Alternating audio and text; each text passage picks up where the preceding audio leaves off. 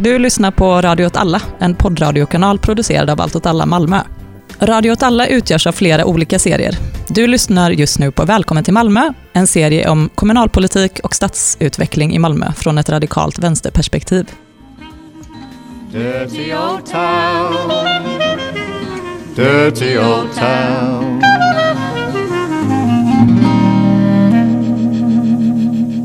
Hej välkomna till Radio alla, välkommen till Malmö. Idag ska vi prata om känslan av otrygghet. Jag heter Fredrik och jag sitter här med Anna, Hej.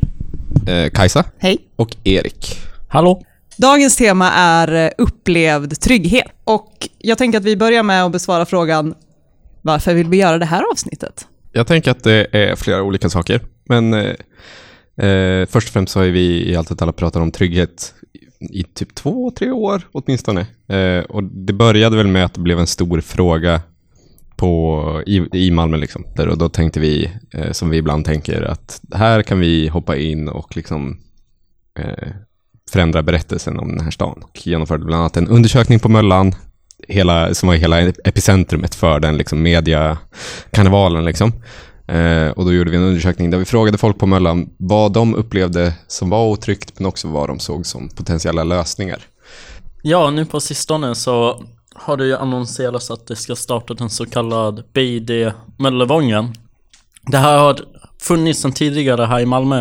Eh, i, på, I området Sofielund. Men om vi ska lite gå tillbaka i historien och för sen kunna förstå varför det här BID-konceptet är kopplat till trygghetsfrågor.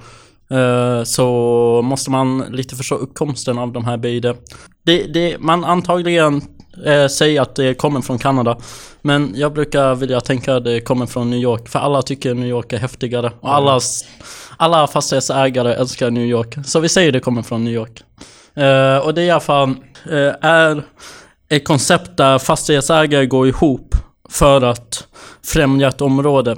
Ganska enkelt förstått. Eh, och det eh, kom efter att eh, när, under liksom industrialiseringen, alltså på 50-60-talet, när man började bygga ut de här jättestora villamattorna, då så då förfall eh, husen inne i centrala städer i, i USA.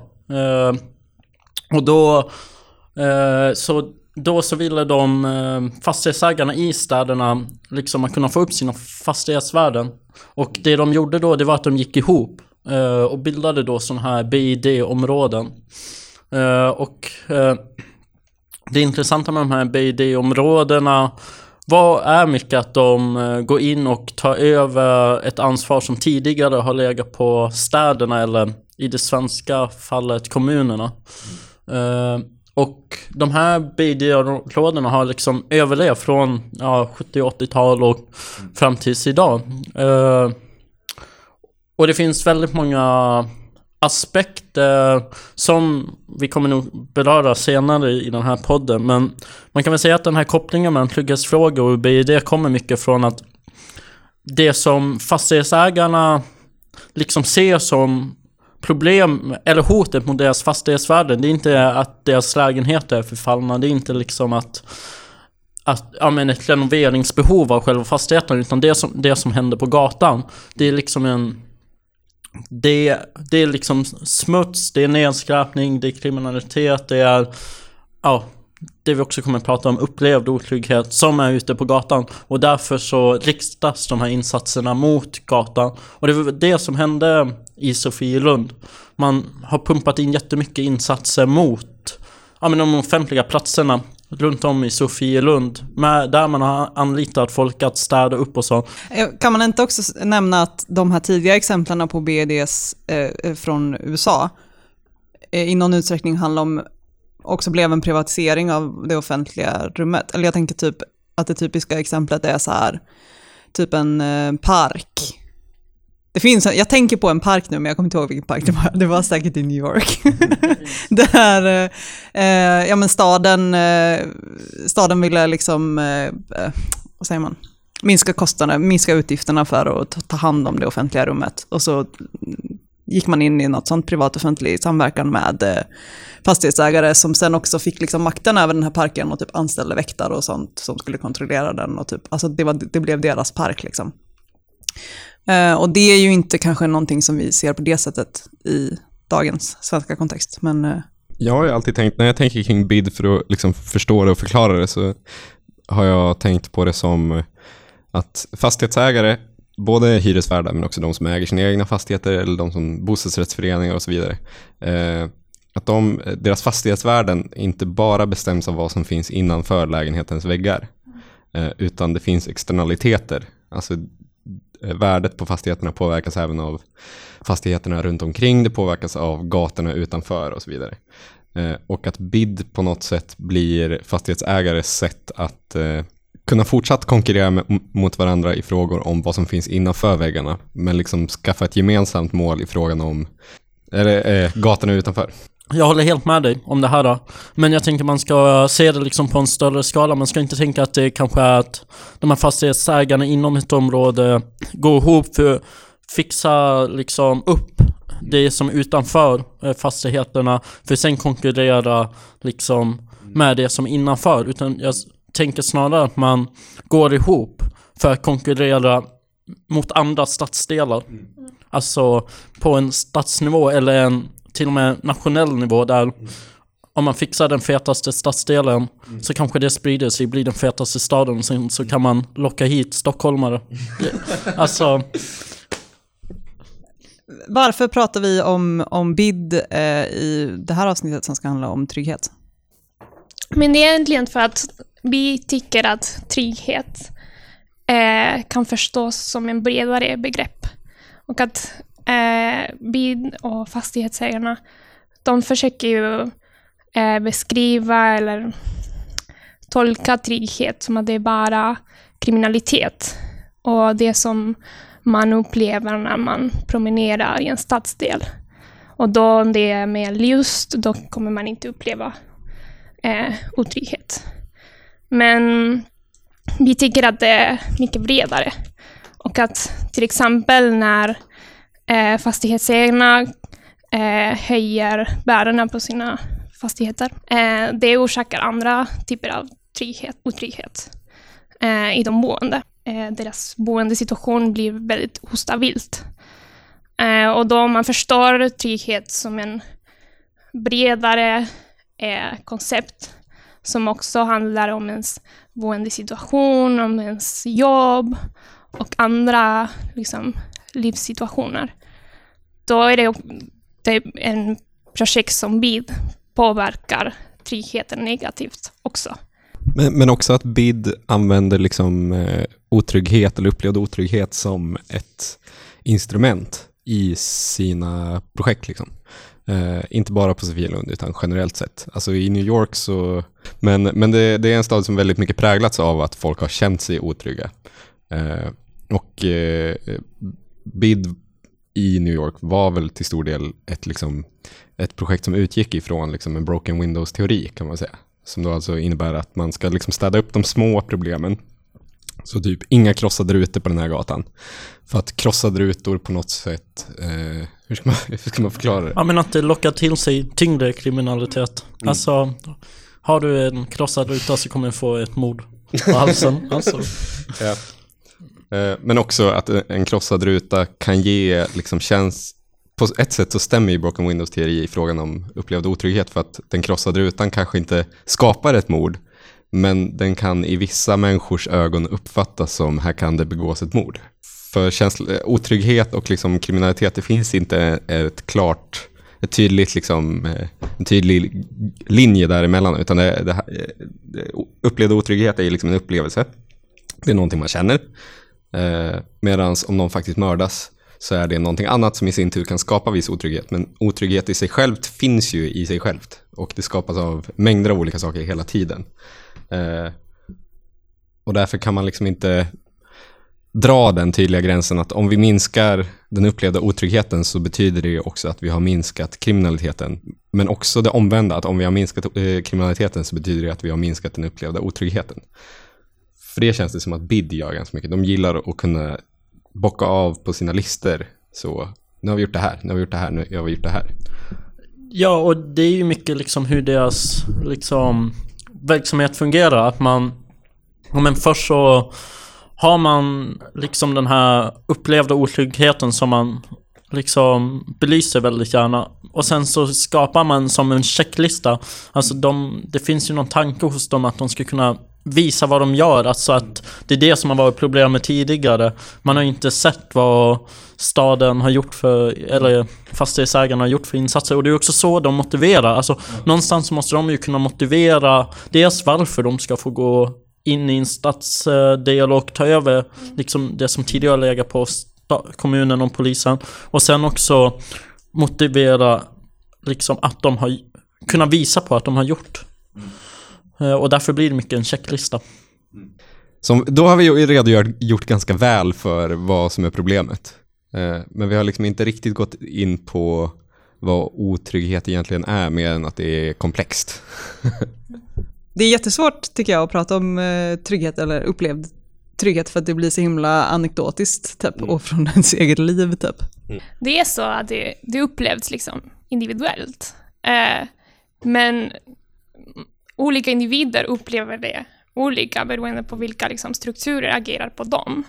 Så liksom en vit medelålders man kände sig kanske inte uttryckt i samma situation som en kvinna eller en rasifierad person. Eller.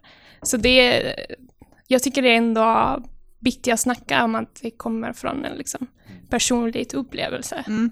Mm, verkligen. Men, men otrygghetsundersökningen tog väldigt mycket liksom det i, i beaktning när den gjordes. Vi, vi gjorde ett formulär som var ganska långt och sen hade vi det digitalt och sen hade vi det också fysiskt och gick runt på olika ställen och vi deltog i olika evenemang eh, och genomförde den. Eh, och jag har det inte liksom helt i huvudet mer än liksom de, vad som var liksom de stora poängerna som vi lyckades dra utifrån det. För vi såg också en poäng i att ett, göra vår egen undersökning för att eh, det känns häftigt att ta fram sin egen data på hur läget faktiskt är i vår stad snarare än att förlita sig på data som redan finns. Det kändes eh, radikalt på något sätt. Och sen två, att vi inte själva riktigt visste vad vi tyckte i frågan om trygghet och otrygghet för att vi tyckte bara inte det. Eh, vi kände oss liksom ganska främmande inför konceptet. Eh, så därför tyckte vi att det var viktigt att vi undersökte och frågade människor liksom, istället för att bara sitta på vår kammare och gissa. Liksom. Men den, det, som var, det, var inte, det var vissa resultat som var väldigt eh, oväntade och vissa som var väldigt, väldigt väntade. Men det som var väntat eh, var väl att den främsta otrygghetsfaktor som folk upplever är eh, män i grupp, eh, kan man säga. Men också högt upp på listan så hittade vi också biltrafik. Eh, och sen, vi samlade in massa annan data och vi såg att det fanns en tydlig koppling mellan eh, att kvinnor var rädda för män i grupp, det är självklart, men generellt sett var alla lite rädda för män i grupp som gick på tomma gator. Liksom. Eh, men det var framförallt föräldrar som var rädda för trafik.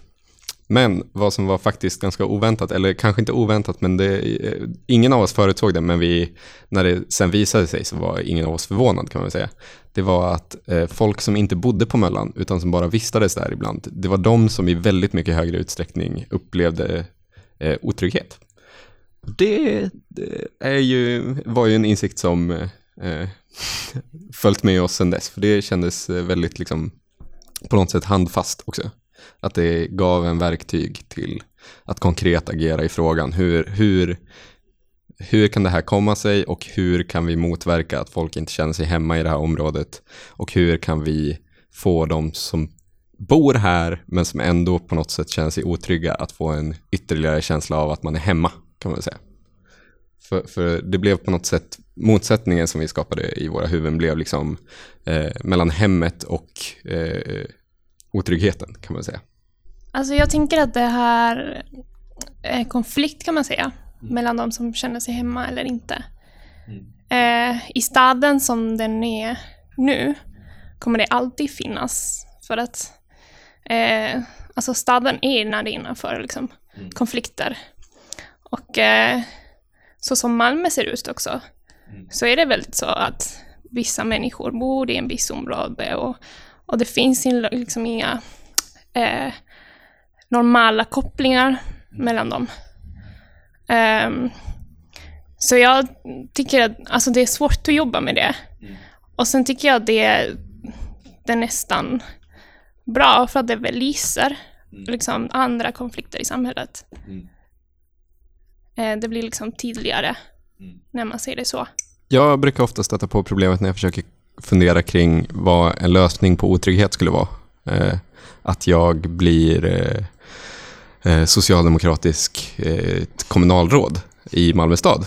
För att eh, eh, mitt svar blir så himla enkelt. Nej, men vi får bygga stråk eh, och eh, läka samman staden så att, eh, så att det finns mer rörelse och kanske Precis. fler lokaler på bottenplan. Eh, och, eh, och det är någonting jag hatar, just den, eh, den berättelsen om vad staden bör vara. Men samtidigt så känns den så jävla rimlig. Jag vet att det är min funktion i den här podden att, eh, att vara sossen, men, men jag hatar ju mig själv när jag tänker sånt där. Kan, kan någon motbevisa mig, tack? Ja, men jag tänker att det är lätt att fastna på att det ska finnas liksom en lösning i liksom den fysiska planeringen. Eh, ja, jag läste en artikel tidigare idag som handlar om Kroksbäck och hur eh, den lokala polisen där eh, gick ut och anklagade, anklagade arkitekturen i området för kanske inte liksom var upphovet till kriminalitet men i alla fall bidrar till det eller bidrar till den upplevda känslan av otrygghet. Och, och, det, och då föreslog de exakt det här då, som du sa, stråk. De föreslog eh, butikslokaler på bottenplan. Alltså samma saker som man också har gjort i Rosengård. Eh, vilket är ju någonstans liksom allt, ja men det är liksom man alltid faller tillbaka till. Man ska, när man ska liksom fixa otrygghet på en gata. Man, man ska bara pumpa in jättemycket trafik, få in bilar, man ska få dit eh, olika butikslokaler så folk bara gå, mer vistas där Ja. på andra tider. Och, eh, och, och jag menar, det kanske funkar liksom i någon, må, i någon utsträckning men det är liksom, vi, kom, vi når ju ännu inte liksom kärnan i, på problemet. Och det är lite, Nej, precis. Man kan ju dels, nu pratar vi om lite olika skalor här, liksom. Att så här, man kan ju dels eh, fundera över vad arkitekturen på, en, på den mindre skalan har för inverkan på oss och hur vi använder rummet och hur vi känner oss i rummet. Så här. Och det finns ju massa bra grejer man kan göra på den skalan. Hur man bygger saker liksom. För att göra det så trevligt för alla. Ehm, men sen så finns det ju den större skalan också som vi också kom in lite på och, liksom, och hur otrygghet blir ett, ett av slagträna i den här segregationsdebatten som vi har pratat om också tidigare i podden. Eh, så jag tror att det var det du var inne på Fredrik, om att du inte var sosse eller vad det nu var. Men alltså, eh, och där blir det ju jättesvårt för att genast då så blir jag så här, nej men okej, eh, om all, det, att det är lite så, okej, men om den här undersökningen visar typ att de som bor på Möllevången känner sig trygga på Möllevången, men de som inte bor på Möllevången känner sig mindre trygga. Så är jag bara lite så här, okej, whatever, åk inte dit då. Nej men liksom, eh, ja alltså så. Och för, att, för att du kommer jag överdriver nu kanske. Men, men, eh, men jag, jag har som sagt tidigare i, i podden också svårt för hela den här segregationsproblematiseringen där det är så här och eh, typ att staden är delad typ och att man inte och att det skapar otrygghet typ att man inte känner sig hemma över alltså det, det blir ofta jag tror typ att utgång, eller tanken i grund och botten är god, men ofta så landar det så himla fel. Och precis som du sa nu Erik, så, så löser det ju ingenting i grund och botten. Liksom. Om vi pratar om det ur ett klassperspektiv så är det ju lite så, tanken, om, tanken på trygghet som att det skulle finnas någon slags enhetlig harmoni som innefattar allt, liksom, där alla är så himla trygga överallt hela tiden, blir bara så himla konstig. Ja, det, för mig det här liksom, debatten handlar mycket om liksom, en kontradiktion som finns i samhället. Och den kommer finnas. Så liksom, det här konflikter kommer finnas för att det, det finns det här dualismen av typ så, vi och dem. Och så länge den inte läckas på något sätt så kommer det alltid finnas den liksom, kontradiktion. För man kommer alltid liksom, känna att den andra inte är som en. Då blir det att eh, de här ändringarna som görs, de görs inte för de som bor där. De görs för de andra som kommer kanske en dag och tar en kopp kaffe. Eh, så det är det som är problemet. Liksom. För att jag kom också på att eh, jag vill inte vara väldigt så specifik om vad det var för projekt, men det gjordes ett projekt i Malmö. Eh, och då var det typ en väldigt så demokratisk process när de snackade med ungdomar som bodde i området och vad de ville ha i den här platsen och de var med i liksom, eh, det grafiska, i designen etc. Eh, men sen har det blivit typ att ingen använder den platsen. Det är alltid tomt. Och så en gång så snackade jag om det med någon som bor där och så frågade jag alltså, vad hen trodde att det var problemet. Och hen sa att det var att det fanns övervakningskameror där. Och ingen vill sitta där och bli liksom, övervakad mellan vad man var så ta en cigg med en kompis. Liksom. Eh, och då är det liksom, ja men vi, vilka gjorde ni den här platsen till liksom? Är det för, för att det ska vara på någon tidning och stå att den är jättefin? Och... Ja, för då blir det ju liksom ex en externalitet till fastighetsvärden, att det, det är en fin park här.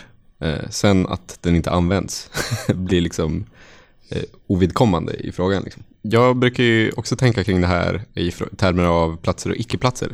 Men, men det här begreppsparet innebär helt enkelt att de har, har liksom en uppdelning mellan eh, de platser där man liksom där det finns liv och platser där det saknas liv kan man väl säga. Eh, kort sagt. En, eh, en plats kan vara eh, en gata där du träffar en kompis. En plats kan vara biblioteket där du spenderar din fritid eller någonting.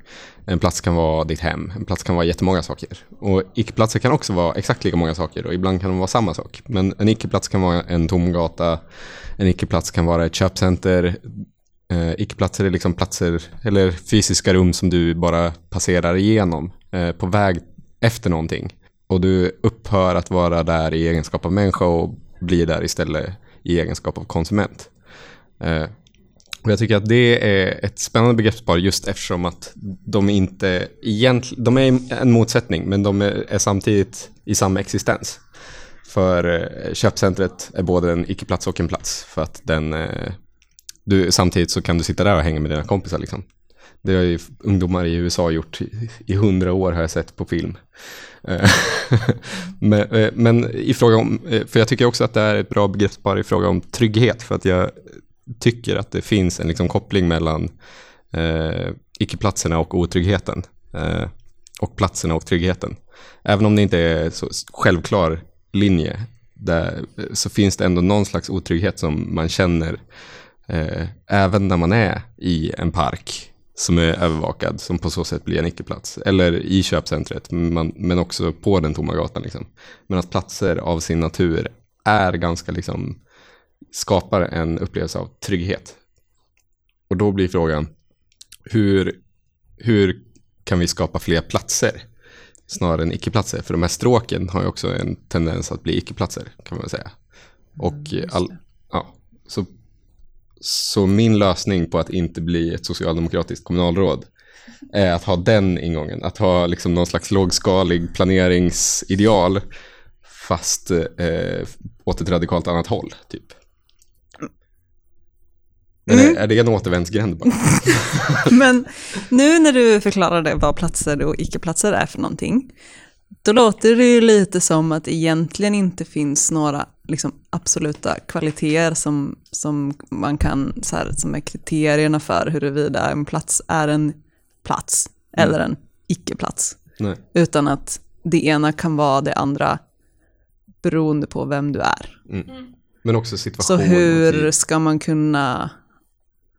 Det måste ju finnas, om du ska använda det här begreppsparet som verktyg i liksom den faktiska fysiska planeringen, så behöver du ju ha då lite kriterier för vad Mm. som skapar en icke-plats. Mm. Men, men jag tror att begreppsparet också blir lite en kritik av den fysiska planeringen. För att eh, just eftersom att plats och icke-platsegenskaperna inte sitter i väggarna. Mm. Utan att det, det. är snarare någonting som skapas socialt. Ja, Eh, och det är ju bra. för att man behöver ju kritiserar den fysiska planeringen och det är ju lite en röd tråd känns det som i det här avsnittet. Ja. Att man inte ska överskatta förmågan hos den fysiska planeringen att lösa alla samhällsproblem. Men, men den här kritiken av det fysiska rummet. Eh, det finns ju också en, liksom, en förgrundsgestalt, eh, både i den men också mot den, eh, som kallas Jane Jacobs, som var en eh, stadsplanerare va? Eller var hon arkitekt? Aktivist. Jaha, journalist, aktivist, någonting. Men hon skrev om stadsplanering och arkitektur eh, i New York. tror att hon bodde i Greenwich Village. Ja. Eh, och då skulle det byggas eh, någon jättestor infrastruktur, jag minns inte En riktigt. om- motorväg. mo- motorväg som skulle gå igenom eh, en park. Eh, wa- Eller vilken var det? Jag kommer inte ihåg vilken park, men en Ja, av parkerna. en park. Eh, så det var då hon började involveras i det här, för att hon eh, trivs jättemycket i hennes område och tyckte att det här motorvägen skulle liksom förstöra eh, den liksom sammanhållning som finns där. Eh, och hon var liksom lite emot det här liksom journalist eh, idé om staden och att det viktigaste är att ta sig fram så fort som möjligt från punkt A till B. Hon tyckte det viktigaste med staden är liksom den möte som sker i gatan och, eh, och att då ska man fokusera mer på den mindre skala. Nu är vi inne på det här öppna, vad heter det, butikslokaler i bottenplan. Alltså Ja. hela det här eh, blandad stad-idealet som är, det är ju det som folk håller på med nu. Ja, men, men jag tycker Jane Jacobs är bra just eftersom att hon påvisar allt som är bra med det. Men samtidigt är så himla låst inom vissa ramar eh, i fråga om vad det är för lokaler som ska vara på bottenplan men också i fråga om vilken sorts möten det är som ska ske. Eh, Så jag tycker Jane Jacobs har, eh, har väldigt bra poänger. Hon, skapar, eh, hon eh, liksom nämner många saker som är positiva, typ så. Om vi har en lågskalighet, om vi har eh, låga hus, eh, täta gator där folk ses, vi ska ha lokaler på bottenplan där folk kan fika, små affärer och sånt.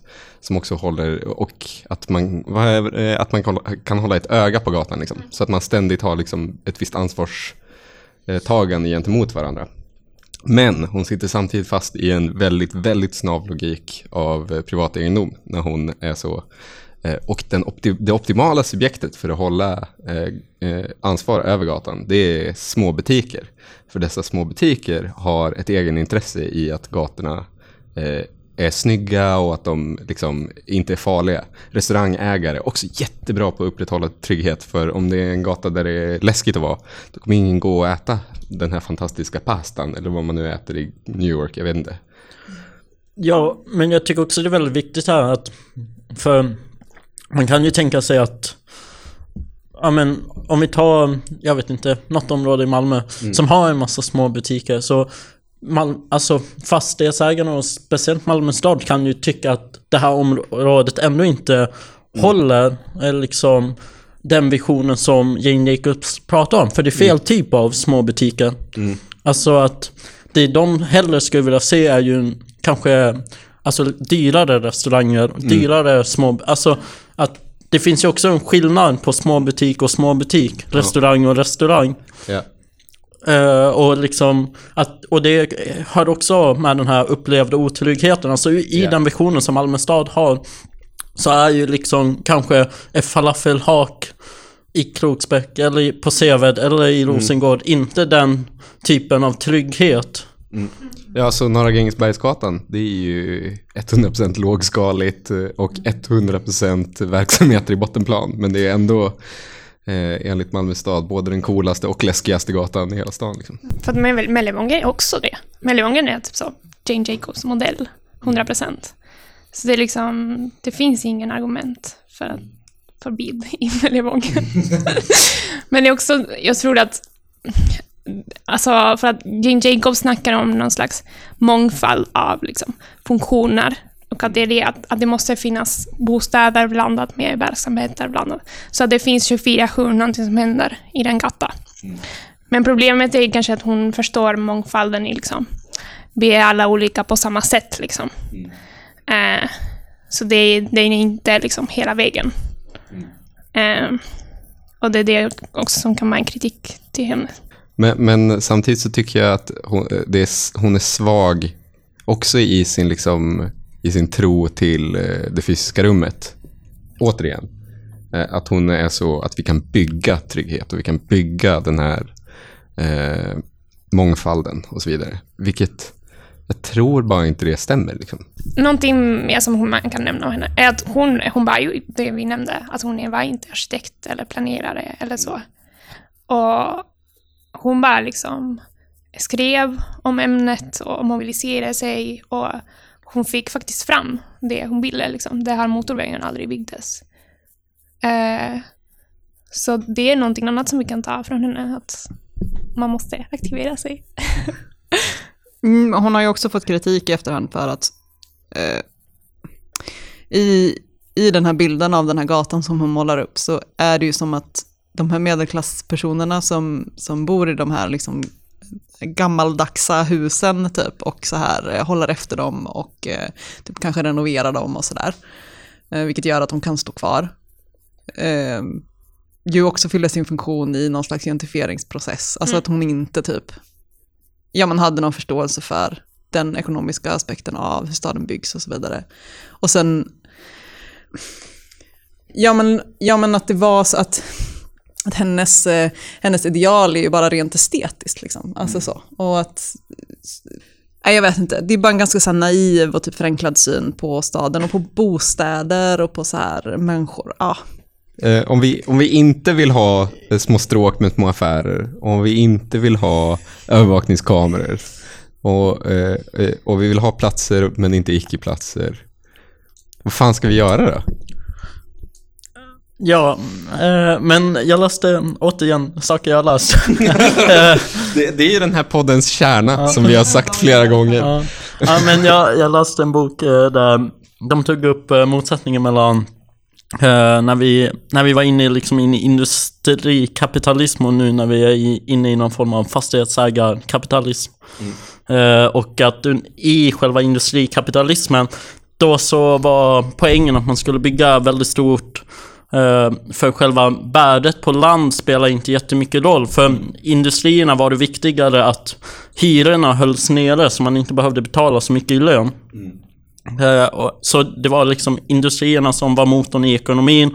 Och liksom, de, man, städerna, kommunerna skulle bara se till att arbetarna hade någonstans att bo så de sen kunde komma dagen efter och liksom jobba. Men det där har ju liksom vänt. Och nu så är det ju snarare liksom att man ska få upp värdet på fastigheterna och det är kopplat till skatteintäkterna för kommunen. Och, och jag tror liksom att i den liksom eh, ekonomin vi är nu så Alltså där måste man liksom snarare hitta sätt att Som vi också tog upp i den här artikeln vi skrev till Sydsvenskan Hitta sätt att ligga, lägga en press på fastighetsägarna eh, Alltså det är någonstans de som kommer liksom utveckla eh, stadsrummen. Alltså vi kommer inte komma bort från det. Kommunen själv kan inte, alltså om, så, om de själv inte äger faktiskt den faktiska marken så kan de inte utveckla Eh, utan det kommer vara fastighetsägaren. Då måste vi kunna lägga en press på dem att utveckla dem så som vi vill. Alltså att de tar fram butikslokaler med en lägre hyra. Har bostäder med lägre hyra. Eh, så vi också kan få de, den typ av verksamheter vi vill ha liksom längs med gatorna. Sen så ska vi inte liksom vända oss bort från att vilja ha faktiskt kanske härliga butikslokaler på bottenplan. För det är väldigt nice att bara kunna liksom gå på en gata där, där det finns mycket. Det är ju nice att konsumera. Men att liksom, vi måste bara se till att vi kan konsumera saker vi faktiskt vill ha och inte konsumera att, ja, att vi inte måste konsumera saker som är alldeles för dyrt. Det är liksom en ständig kamp som har pågått väldigt länge nu. Men också att vi eh, måste bygga våra egna platser kan man väl tänka också. Det är väl också eh, ett, ett, en bra linje att ha. Eh, att både bygga temporära platser men också bygga permanenta platser. Ja, som det lilla sociala centret vi spelar in podden Ja, i. exakt. Vi är i vårt sociala center Solidar just nu. Eh, på Mombichogatan. Och det känns väl som en ett exempel på en plats som är permanent på något sätt. Men jag tycker också att man kan mer liksom, eh, aggressivt börja intervenera i stadsrummet genom att skapa temporära platser. Eh, som vi gjorde under öppna Möllan exempelvis, att vi öppnade upp 16 innergårdar, eller inte vi, men folk på Möllan eh, tillsammans med oss eh, öppnade upp 16 innergårdar och hade aktivitet där. I praktiken så är det att vi öppnade upp 16 stycken platser som tidigare inte funnits. Eller de hade funnits för ett väldigt fåtal, men sen plötsligt blev de öppna. Liksom. Och det, det är ju trygghetsskapande, det är positivt på alla sätt. Och jag tror att det nästan är en mer liksom, strategiskt riktig väg att gå än att skapa fler sådana här permanenta platser. Även om jag tycker det är jättebra om vi startar fler permanenta platser så kostar det skitmycket pengar, är jävligt mycket jobb. Men däremot så kan alla börja öppna fler temporära eh, platser i staden. Jag gillade idén som jag hörde från eh, någon i Allt alla Umeå att de ska börja göra, att de ska sätta ut eh, bibliotek i varenda tvättstuga i hela Åvalidhem. Tycker jag är så jävla... Mm. Men sen tänker jag att det är liksom någonting man kan driva på olika skalor. För jag vet att här i Malmö så har Vänsterpartiet i väldigt länge haft en idé att eh, kommunen ska starta ett eget eh, byggbolag. Ja, För det är ju någonting som saknas typ i alla kommuner. Man har liksom en ganska kass bostadsförmedling i i alla fall många av s- landets kommuner. Men eh, man behöver det där lilla byggbolaget för då skulle man kunna bara blåsa på och bygga saker helt plötsligt. Och det skulle också vara fett. Inte bara köpa mark och sen sälja av mark. Utan också bygga på den här jävla marken. Ska vi avsluta podden med att konstatera att jag kanske är ett socialdemokratiskt kommunalråd, men eh, Erik är ett vänsterpartistiskt. Dirty old town. Dirty old town. Ja, och en av anledningarna varför det här blev en så stor grej var ju också för att han, personen, stadsplaneraren som försökte få igenom den här motorvägen var Robert Moses. Som var ju liksom en gigant på sin tid när det kom till det här. Han byggde ju alla stora infrastrukturprojekt eh, liksom under den här 50-60-talstiden i New York. Många ofta som liksom hade lite så här eh, rasistiska företecken kring sig och så. Mycket segregering. Jag vill bara säga att han ju också typ byggde jättemycket parker och lekplatser över hela stan. Och också byggde typ en jätte, jätte, jättestor strand. Alltså en sandstrand på typ, jag, nu kan inte jag New Yorks geografi, men på andra sidan vattnet från Manhattan liksom. Som blev så här ett resemål för alla människor. Så jävla motvalls. Men jag menar, han var ju bara en sån... Låt oss försvara Robert Moses, New Yorks mest hatade person. Han var ju bara en sån supermodernist. Ja, ja, gud ja. Alltså det var ju också att han såg till att bussar liksom kunde inte åka in i vissa områden och så att... Det var så broar som var Ja. för låga för så bussar Ja, ja. mellan förorten och sånt. Ja. Japp. Men ja, ja visst. han var väl inte... Hitler byggde faktiskt autobahn.